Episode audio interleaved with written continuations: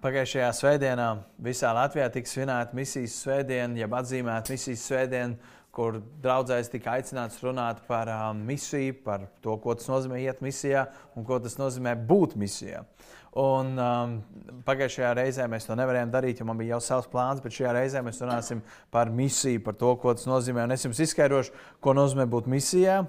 Kurš ir tas, kurš tevi sūta, un kur viņš tevi sūta, un kas mums ir jādara. Un es vēlos iesākt ar kādu stāstu par kādu jaunu puisi, kurš strādāja parastā darbā, un viņš vienkārši saprata, ka viņš negrib savu dzīvi dzīvot tādā veidā, viņš grib kaut ko vairāk, un viņš pieteicās, lai dotos misijā uz Ķīnu.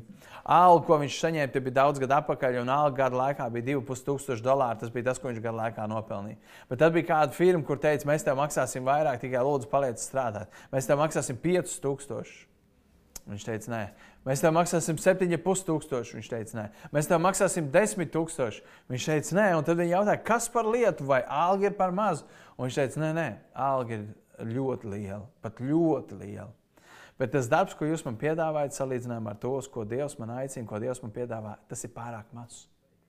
Un, redziet, un tas parāda to, tas parāda to ka uz ko mēs skatāmies. Vai mēs skatāmies uz to, ko es varu iegūt? Oh, četras lielāka alga. Nē, labi, tad es palikšu. Vai tomēr mēs skatāmies, ko es varu dot?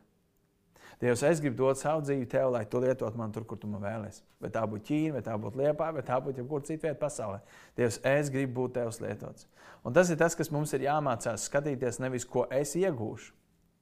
Jo es domāju, cik šajā rītā būtu tā, ja jums piedāvātu, nezinu, divreiz lielāku algu, trīsreiz lielāku, piecreiz lielāku, bet tajā pašā laikā būtu piedāvājums iet kalpot. Ko tu izvēlētos?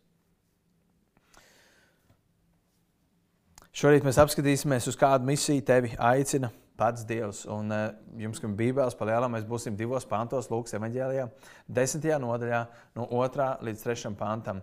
Desmitās nodaļas sākumā patiesībā Jēzus izsūta mācekļus, viņš sūta, viņš, viņš viņus izsūta pa divi un pa 70 vai pa 72 vienalga kā, bet pirms viņš to dara, viņš saka kādas lietas, un tad uh, Lūkas evanģēlijas 10. nodaļa, 2 un 3 pants.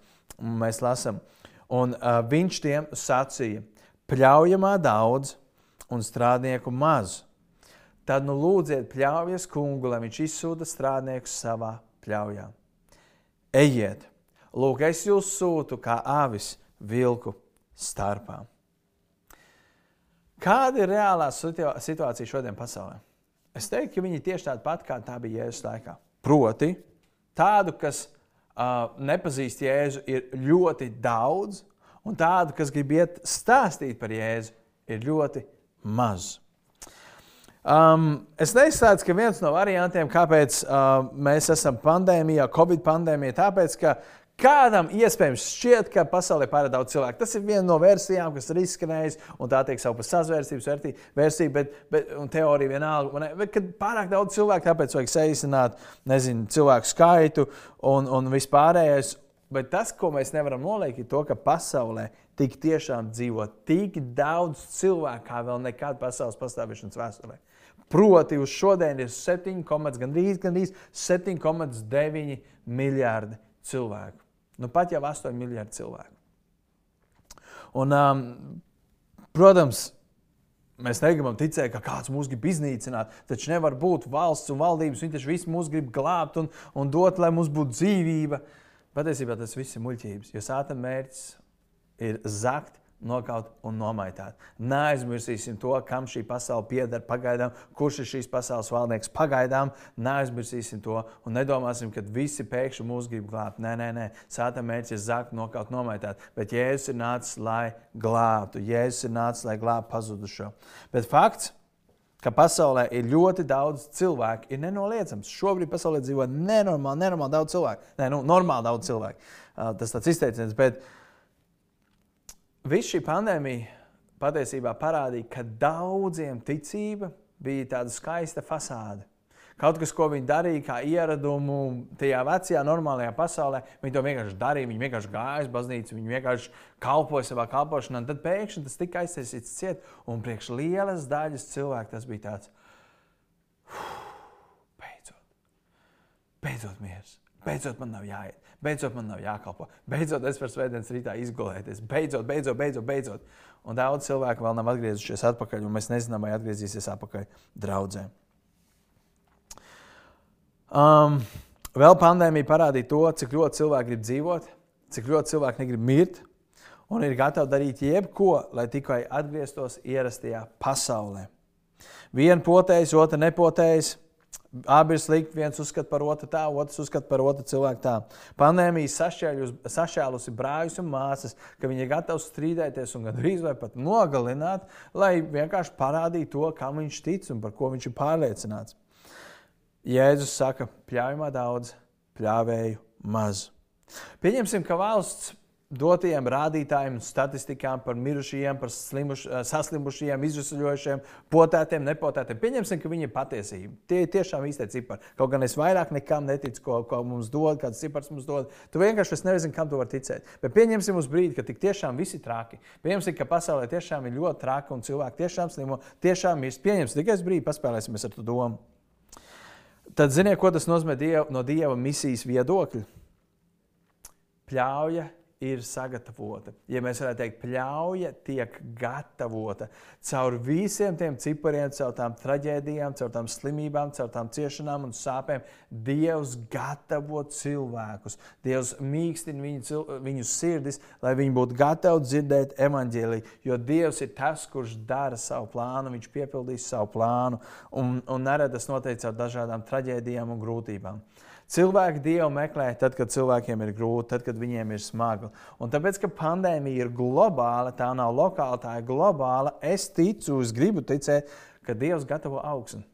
Ka tas, kas patiesībā notiek, redzēt, ja mēs skatāmies tikai akdienās, akdienās, pasaulē slimībā, dienās, dienās cilvēki mirst, dienās, dienās cilvēks zaudēs darbus. No vienas puses, kāda starpība mums nav jāskatās uz tām āršķirīgām lietām, uz tām izpausmēm, uz, uz to, ko tas parāda, varbūt no tā taustāmā viedokļa, bet mums ir jāierauga garīgā ziņā, kas ir tas, kas šobrīd notiek garīgajā ziņā. Un es varu pateikt vienu lietu. Tad, kad cilvēki piedzīvo grūtības, ciešanas, traģēdijas, tas ir tas, kad viņi ir visvairāk kā, vairāk gatavi dzirdēt Dieva vārdu. Viņi ir dzirdēti evaņģēlī, viņi ir gatavi. Dievs gatavo atvērt sirdis, lai viņus varētu uzņemt evaņģēlī. Jautājums paliek, vai būs kas sludina? Vai būs kas ies sludināt evaņģēlī? Tad, kad mēs konstatējam faktu, izjūt no šīs rakstīts, ka pļāvēju ir maz, bet darbi ir daudz, tad gribas jautāt Jēzu Ko tad mēs darām? Jēzus, ko darīt? Jēzus, kas jādara? Jēzus saka, tad nu lūdziet pļaujas kungu, lai viņš izsūta strādnieks savā pļaujā. To saka Jēzus. Tad nu lūdziet pļaujas kungu, lai viņš izsūta strādnieks savā pļaujā. Līdz ar to tavs pirmais uzdevums, ejot misijā, ir lūgt. Tavs pirmais uzdevums, ja tu gribi būt daļa no misijas, tavs pirmais uzdevums ir lūgt. Tas ir tas, ko mēs šeit lasām. Jēzus teica, tāpēc lūdziet, pļaujas kungu. Es šeit nesaku, ziniet, pļaujamā daudz, bet naudiņas maz. Pļaujamā daudz, bet resursu maz. Pļaujamā daudz, bet metožu maz. Pļaujamā daudz, nav jau uz kuriem braukt. Pļaujamā daudz, nezinu, telpas trūkst. Nē, nē, viņš saka, pļaujamā daudz, bet strādnieku maz. Pļaujamā daudz, bet darbinieku ir maz. Un tad ir jautājums, kur tad šie darbinieki rodas? Kur būs tie strādnieki, no kurienes viņi nāks? Viņi būs kaut kāds autobus no debesīm pasūtīts, kas nonāks ar super sagatavotiem evaņģēlistiem, kas tik perfekti sludinās Dievu vārdu, ka visās valstīs notiks atmodu. Vai tas būs tādā veidā? Mēs, protams, gribētu. Bet Jēzus atbild: Lūdziet Dievu.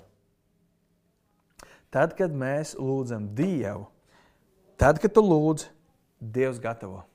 Tad, kad tu lūdz, Dievs gatavo strādniekus. Mums to vajag ieraudzīt. Tur top strādnieki. Kur top strādnieki? Tad, kad mēs lūdzam Dievu. Tas ir pirmais solis, kas mums jādara. Un es šajā rītā gribu iedot vienu praktisku soli, ko mēs varēsim darīt. Tā nav vienkārši tā, lūdzam Dievu, ok, super, jā, lūdzam Dievu. Nē, nu, protams, ko, ko tu jaunu pateici? Protams, ka Dievu jālūdz. Ir. Bet es gribu padalīties ar kādu vīrusu, ja tā var teikt. Mums apkārt ir pandēmija, covid vīruss. Es gribu vismaz uz mēnesi, maija mēnesi, es gribu jūs aicināt uz jaunu vīrusu. Tas vīrus saucās, nezinu, vai jūs dzirdējuši, bet viņš saucās 10, 2B. 10, 2B vīrusu. Tas ir balstīts uz Lūkas evanģēlī 10. nodaļu, 2. pantu, B daļu kur ir rakstīts, lai mēs lūdzam pēc strādniekiem. Tāpēc lūdziet, debesu, tas ir pļāvis kungam, viņš šūta strādnieks. Tāpēc lūdziet. Un tas ir mans aicinājums, ka tu pievienojies man, Katru dienu, tas, ko es gribu, paņem savu telefonu. Ja nu vienīgi tu neklausies dievkalpojumu tagad šajā brīdī ar telefonu, tad tu izdarīsi pēc dievkalpojuma. Bet paņem telefonu, uzliec modinātāju atgādinājumu. Katru dienu, visu māju mēnesi, šodien ir 2. maija, visu māju mēnesi, 10.02. no rīta uzliec modinātāju atgādinājumu. Uzrakst, lūgt pēc pļāvējiem, lūgt pēc strādniekiem. Vienu minūti, viss, ko es tev prasu, katru dienu, 10.02. Uzliec, tev ievibrēsies telefons Noliec galvu uz vienu minūti, debes Tēvs, lūdzu, sūta strādnieks pļaujā. Tēvs, lūdzu, sūta strādnieks pļaujā. Tēvs, lūdzu, izsūta strādnieks, izsūta man, izsūta no mūsu draudzes, no mūsu pilsētas, no mūsu valsts. Dievs sūta strādnieks savā pļaujā. Katru dienu 10.02. vēl vienu minūti, lai lūgtu par strādniekiem. Tas nav nekas sarežģīts. Viss, ko tev prasa, uzliec atgādinājumu modinātāji 10.02. uz vienu minūti lūdzu Dievu. Tālāk ir rakstīts, ka uh, viņš izsūta, lai viņš izsūta savā pļaujā. Tas ir ārkārtīgi svarīgi saprast, tas nav mans lauks, tas nav Filipa lauks, tas nav Māra lauks, tas nav mūsu lauks, tas ir Dieva lauks, Dieva pļaujas lauks. Un tur aug dažādi augi. Dažādi, dažādi dārziņi, dažādi augi. Un Dievs ir tas, kurš zina, kādi strādnieki katrā lauka malā ir vajadzīgi. Ja es atceros, kādā laikā atpakaļ mēs braucām pie jūras laukiem, un mums bija dažādi darbi, da, dažādi lauka darbi jāveic. Bija koki jāgāž, tur nezinu, mājām, jums kaut kas jārok, kaut kas bija visādi darbi, kas bija jādara. Jāzāģē koki, jāzāģē gabalos, jānogāž koki. Jūras bija tas, kurš zināja, kas tur jādara. Tas bija viņa lauks. Viņš zināja, kas tur jādara. Ja jūras būtu, nebūtu atbraucis ar rītā, mēs atnāktu ar zāģiem, ar lāpstām. Ok, rokam šeit, Es nezinu, varbūt tas, ka tur vajag vairāk. Ar kurus kokus mēs gāžam no nu, es nezinu, to lielo, to mazo. Varbūt tas, ka lielos nevar, varbūt jāsaskaņo. Mēs nezinātu, ko mums darīt. Jūs bijat tas, kurš izdarīja darbus un teica, tu dari to, man vajag trīs vīrus, tur četrus tur, un mēs gājām un darījām. Tieši tādā pašā veidā Dievs zina, kas viņam ir vajadzīgs. Viņš zina, kādu strādnieku viņam ir vajadzīgi. Un Dievs ir eksperts, tas ir viņa pļāvas lauks. Viņš ir eksperts, mums ir jāuzticas, ka Dievs kalpošanai un misijai izredz pareizos kalpotājus. Līdzīgi kā Jēzus izredzēja mācekļus, konkrēts mācekļus, viņš izredzēja, viņš izredzēja tur Jāni, Pēteri, Jēkabu, um, Tomu, Natanēlu, uh, Jēkabu, visu, visu, ko viņš tur izlasīja, visu, pat jūdu viņš izredzēja kalpošanas darbam. Un tāpat tās arī mēs gaidām, ka Dievs mūs sūtīs pareizi. Ja tomēr nē, ja tomēr mēs negaidām. Varbūt tas tomēr mēs klusībā sēžam, Uh, tikai ne man, tikai ne man. Fuh, yes. Cits atsācās. Tikai ne man, tikai ne man. Ah, yes, atkal kāds cits. Dievs, Dievs zini, kā Dievs sūta viņus. Dievs sūta. Es vienkārši šeit būšu, un, ja nu gadīgi te neviens nebūs, tad es esmu gatavs sūtīt. Kāda ir tā nostāja? Vai tu būtu reāli gatavs pamest savu darbu, atstāt savu darbu, lai iet kalpot Dievam? Uzdod šo jautājumu. Vai tu būtu gatavs? Vai tu gaidi, ka Dievs tev sūtīs? Ja tomēr tava nostāja jau saknē ir šodien tāda, ka, nu, nē, Dievs, es to nedarīšu. Es, ne, es neesmu gatavs, Dievs. Tavas valstības dēļ es neesmu gatavs. Man ir kauns. Es gribu dzīvot tā, kā es dzīvoju. Es neesmu gatavs neko mainīt savā dzīvē. Piedod. Kāda ir tava atbilde? Tālāk, desmit, tas ir 3. pāntā, Lūkas evanģēlīja 10.3 ir rakstīts: Ejiet, lūk, Es jūs sūtu kā āvis vilku starpā. Trešais pāns. Ejiet, lūk, es jūs sūtu kā āvis, jeb jērus vilku starpā. Es domāju, kas tas bija par šoku? Pasakojam līdzi, kas tas bija par šoku mācekļiem. Ja es saku, klausieties, trūks strādnieku, nu jā, ja es ir tā, ok, ziniet, kas jums jādara? Nu, nu, nu, lūdziet. Jā, ja mēs to darīsim, Pēc tam aiziet pakaļ svecēm, saliekam svecītes, iztaisam istabu, paņemsim smuku gaismu, uztaisīsim ģitāru, slavēsim Dievu, lūgsim, ak, Dievs sūti, sūti misijā, Dievs sūti, izsūti, jā, tās dara tā, dara tā, aleluja, jā, kungs sūti, un, un mēs līdz rītam slavējam Dievu, mēs sakam, Dievs sūti, un mēs uzteicam vislielāko lūkšanas sapulci. Bet nākošie vārdi, ko Jēzus pasaka mācekļiem, ir šokējuši. Viņš saka, tagad ejiet. Kā iet? Ja es tu teicu, ka mums jālūdz. Okay, jā, jā, tā ir pirmā lieta, ko jūs darat. Lūdzu, bet tagad ejiet. Man? Nē, Dievs, es neesmu gatavs iet. Dievs saka, lūk, es jūs sūtu. Pielūdzēt Dievu, jā, super, tagad ejiet. Un tas ir tas, kā mēs dažreiz neredzam misiju vai vispār kalpošanu. Mēs domājam, nē, nu, nē, nu es jau lūdzu Dievu. Nu, nu, ko tad es citu varu darīt? Es jau tikai Dievu varu lūgt. Tā ir tik šaura domāšana, ka mēs varam domāt, ka viss, ko es varu darīt, ir lūgt Dievu. Ja es saku mācekļiem, pielūdziet Dievu, tagad ejiet. Es jūs sūtu, kā jērs vilks starpā. Es nezinu, vai kādam šī raksturība ir mīļākā. Es nezinu, vai kādam pie sienas ir starp citu. Man ik pa laikam, dažādās vietās, Facebook, telefonos, jūs bieži vien saņemsiet dažādas iedrošinājumus, vai, vai ir visi šie kristiešu pantiņi un plakāti.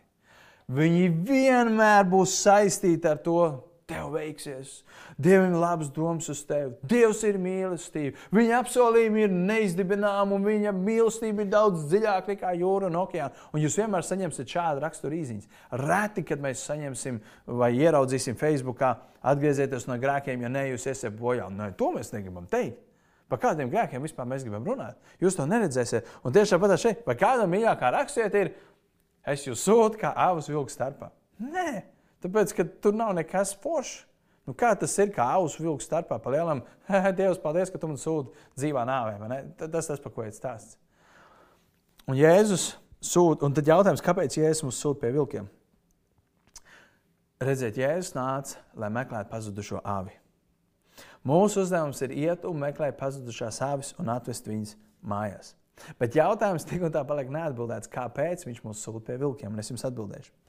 Vilki zina, kur ir pazudusī auss. Vilki zina, kur atrodas noklīdusī auss. Vilki māca labāk atrast pazudušās avis, jo Dievs viņus tādus ir radījis.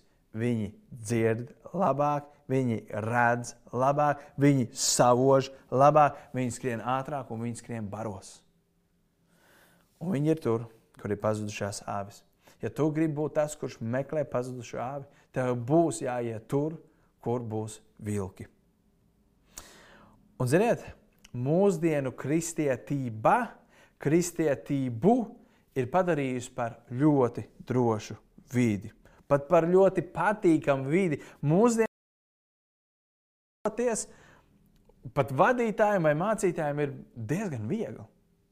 Es jums iedošu kontrastu starp diviem dažādiem scenārijiem. Viens no tiem būs uh, Kurš negribētu būt 21. gadsimta uh, lielas, ja varbūt pat mega draudzes mācīties Amerikā? Kurš negribētu? Es jums paskaidrošu, kādi ir tie bonusi.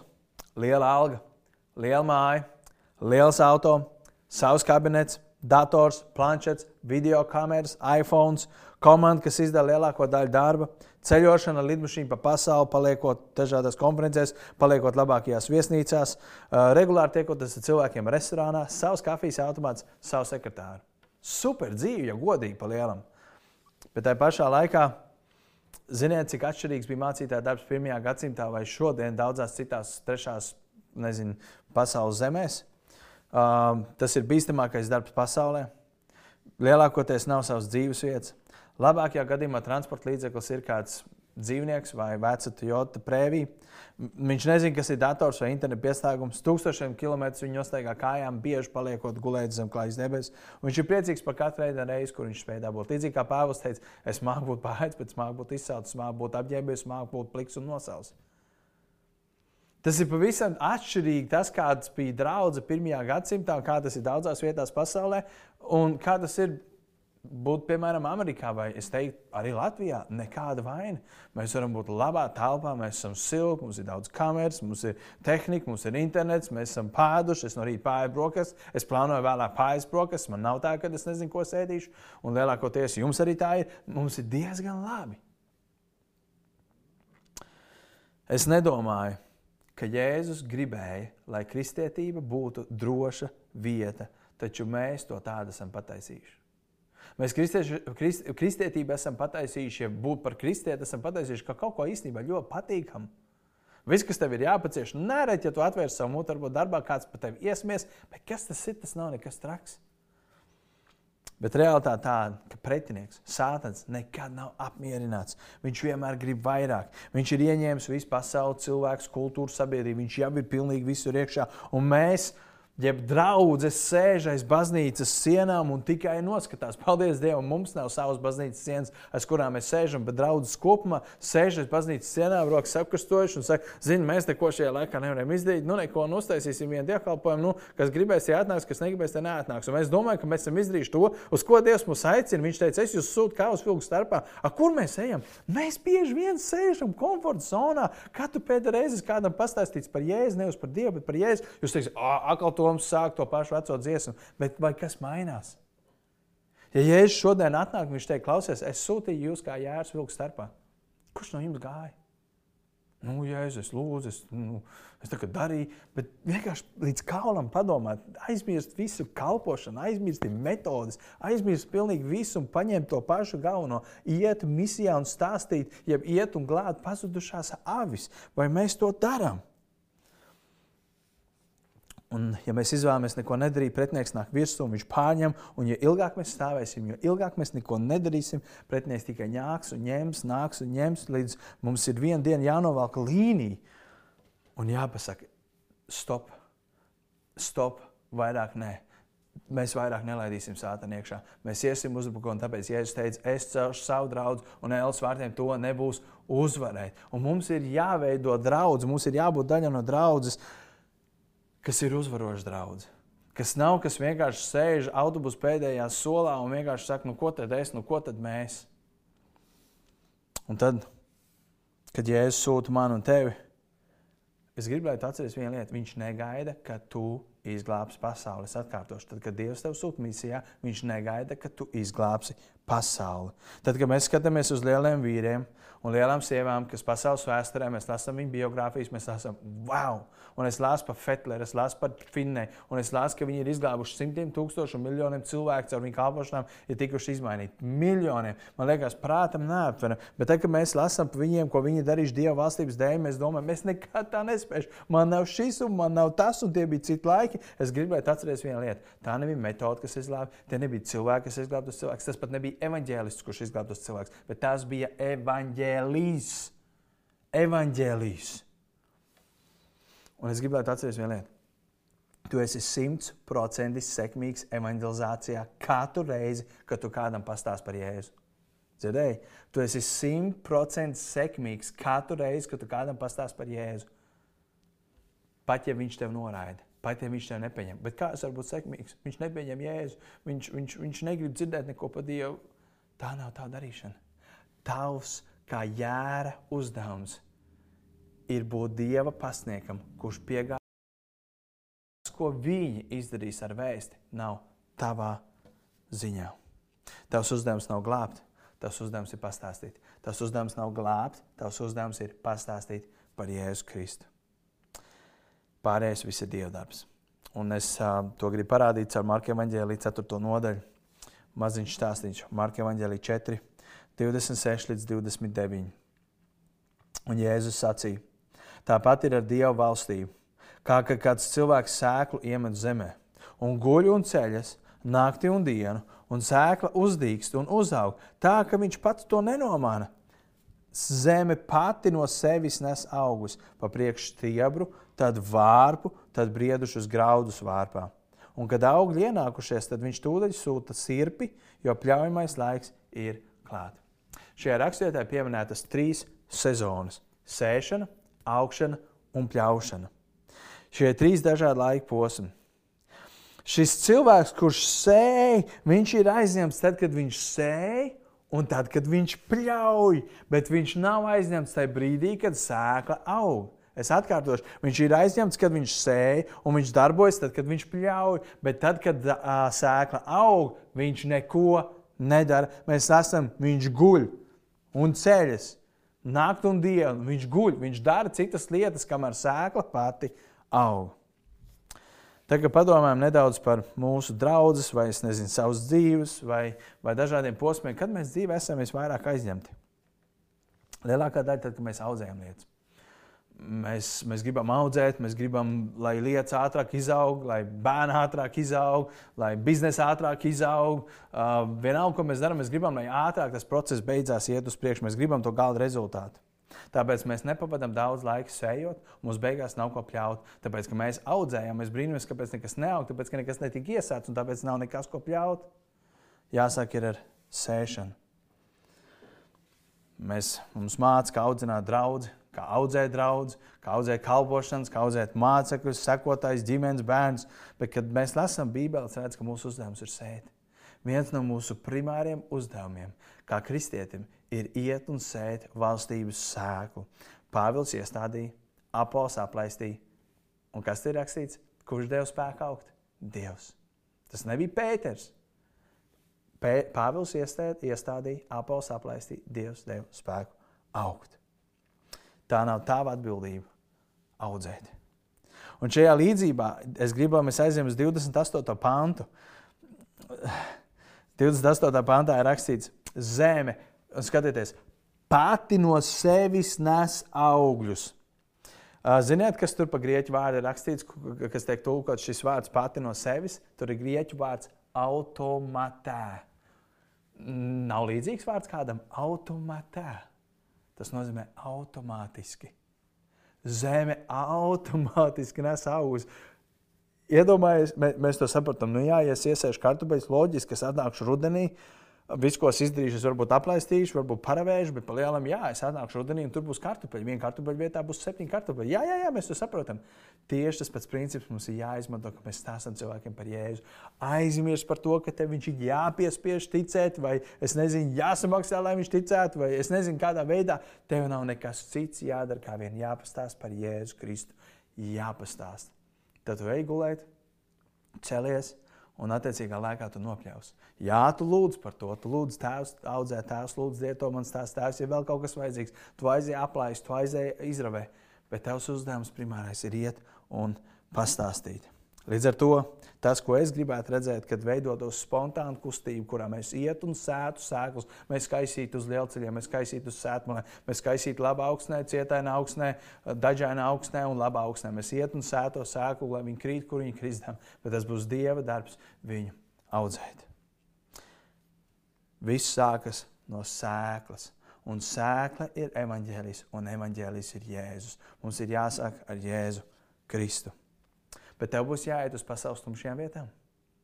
Un es jums iedošu piemēru, ilustrāciju. Ir divi veidi cilvēki. Viena ir kā prusaki, otra ir kā odi. Iedomājieties, ka viņi visi atrodas tumšā telpā. Kā līdzīgi kā tumšs pasaule, viņi visi atrodas tumšā telpā. Odi un prusaki. Kas notiks tad, kad tajā telpā pēkšņi ieslēgsies spuldzīt? spuldzīt? Kas notiks, kad šis spuldzīt ieslēgsies? Prusaki pašķīdīs pa tumšiem stūriem, kur viņi varēs odi lidos uz to gaismu. Viņi lidos uz gaismu. tas ir tas, kas mums ir jādara.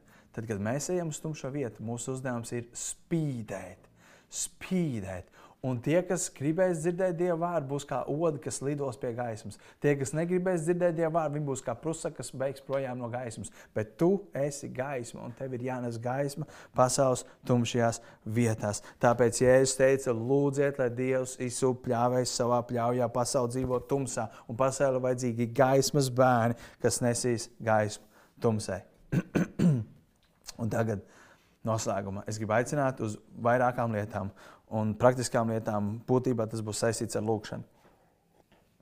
Bet es gribu aicināt mūs kopā lūgt, lai Dievs dara ko? Pirmās trīs lietas, lai Dievs turpina gatavot pļauju. Mēs esam Covid laikā. Ticiet man, cilvēki piedzīvos, ka radi nomirst, brāļi, māsas nomirst, tēvi nomirst, saslims, būs grūti brīži, bet tajos brīžos cilvēki meklēs Dievu. Kaut mēs būtu gudri kā lapsas un bez vilnas kā baloži, ka mēs meklētu apkārt, kur Dievs dara Kur Dievs pieļauj grūtības, kur Dievs pieļauj ciešanas, tur um, Dieva vārds var darboties. Pagājušajā nedēļā pie manis atnāca kāda jauna meitene, un um, viņa gribēja mieru. Kāpēc viņai vajadzīgs miers? Viņai, viņas dzīvē nebija miera. Viņas dzīvē bija ienācis kā traģēdija, kur viņa varētu ļoti drīz pazaudēt savu mammu. Un viņa satrauksies par to, kā tas būtu, ja viņa paliktu viena pati šajā pasaulē. Ja viss būtu kārtībā, viņai Dievs nebūtu vajadzīgs. vajadzīgs. Bet tieši šīs ciešanas ir tās, kas ved cilvēku tuvāk. Līdz ar to pirmā lieta, par ko mums jālūdz, lūdziet, lai Dievs turpina gatavot pļauju. Otrais, lai Dievs pavairo strādnieks, lai Dievs, pavairo, uh, lai Dievs mūs sūta misijā. Paldies Dievam par to, ka Dievs ir pavērs durvis Ventspēlī pareizi Ventspēlī varbūt tās Dievs dos, tur var veidoties jauna draudz. Lai Dievs paver jaunas iespējas Dagopilī, Dievs paver jaunas iespējas Rīgā, citās vietās Latvijā un pat ārpus Latvijas. Lūksim, lai Dievs pavēro strādnieku skaitu, lai vairāk cilvēku var tikt mantot Kristumu. Un trešā lieta, lai strādnieki, kuri šodien paši vēl ir daļa no pļaujas, varētu tikt izredzēti un sagatavot kalpošanas darbam. Mēs dažreiz domājam, no kurienes tad nāks tie strādnieki? No kurienes tad Dievs viņus sūtīs no debesīm, viņi nokritīs no gaisa? Nē, iespējams, šodien tas strādnieks, kurš pēc diviem gadiem varbūt izglābs tavu māsu vai brāli vai vienalga ģimenes draugu, vienalga ko, varbūt šodien viņš ir neticīgs.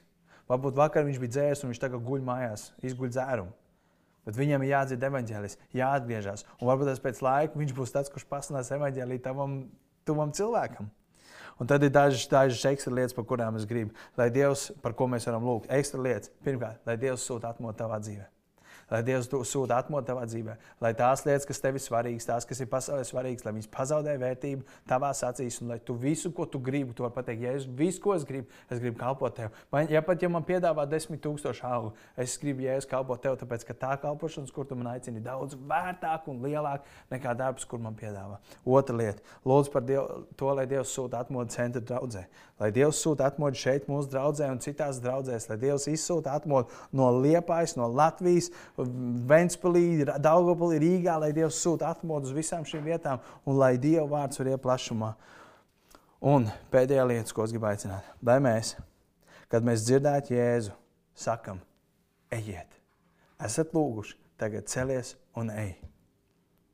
Es jūs sūtu kā uz vilku starpā, lai mēs neteiktu, nē, Dievs, tikai ne mani, bet lai mēs teiktu, jā, kungs, sūti mani Es esmu gatavs, es gribu iet misijā. Jēzus sūti mani, es gribu būt. Jā, lai ir tie vilki, bet ja tu nāc ar mani, es esmu gatavs ar tevi iet. Lai kur tu man sūtītu, Jēzu, es ar tevi iešu. Un noslēgumā es gribu atgādināt, 10.02. uzliek modinātāju. Un katru dienu 10.02. mēs visi kopā lūgsim Dievu. Un, ja tie būs 100 cilvēki, kas lūgs 100 minūtes dienas laikā, 700 minūtes nedēļas laikā un mēneša laikā, tas būs tūkstošiem minūtes, kad Dievs būs dzirdējis sūti kungs sūta, kungs. Lai Dievs mums palīdz, ka mēs esam gatavi būt izsūtīti.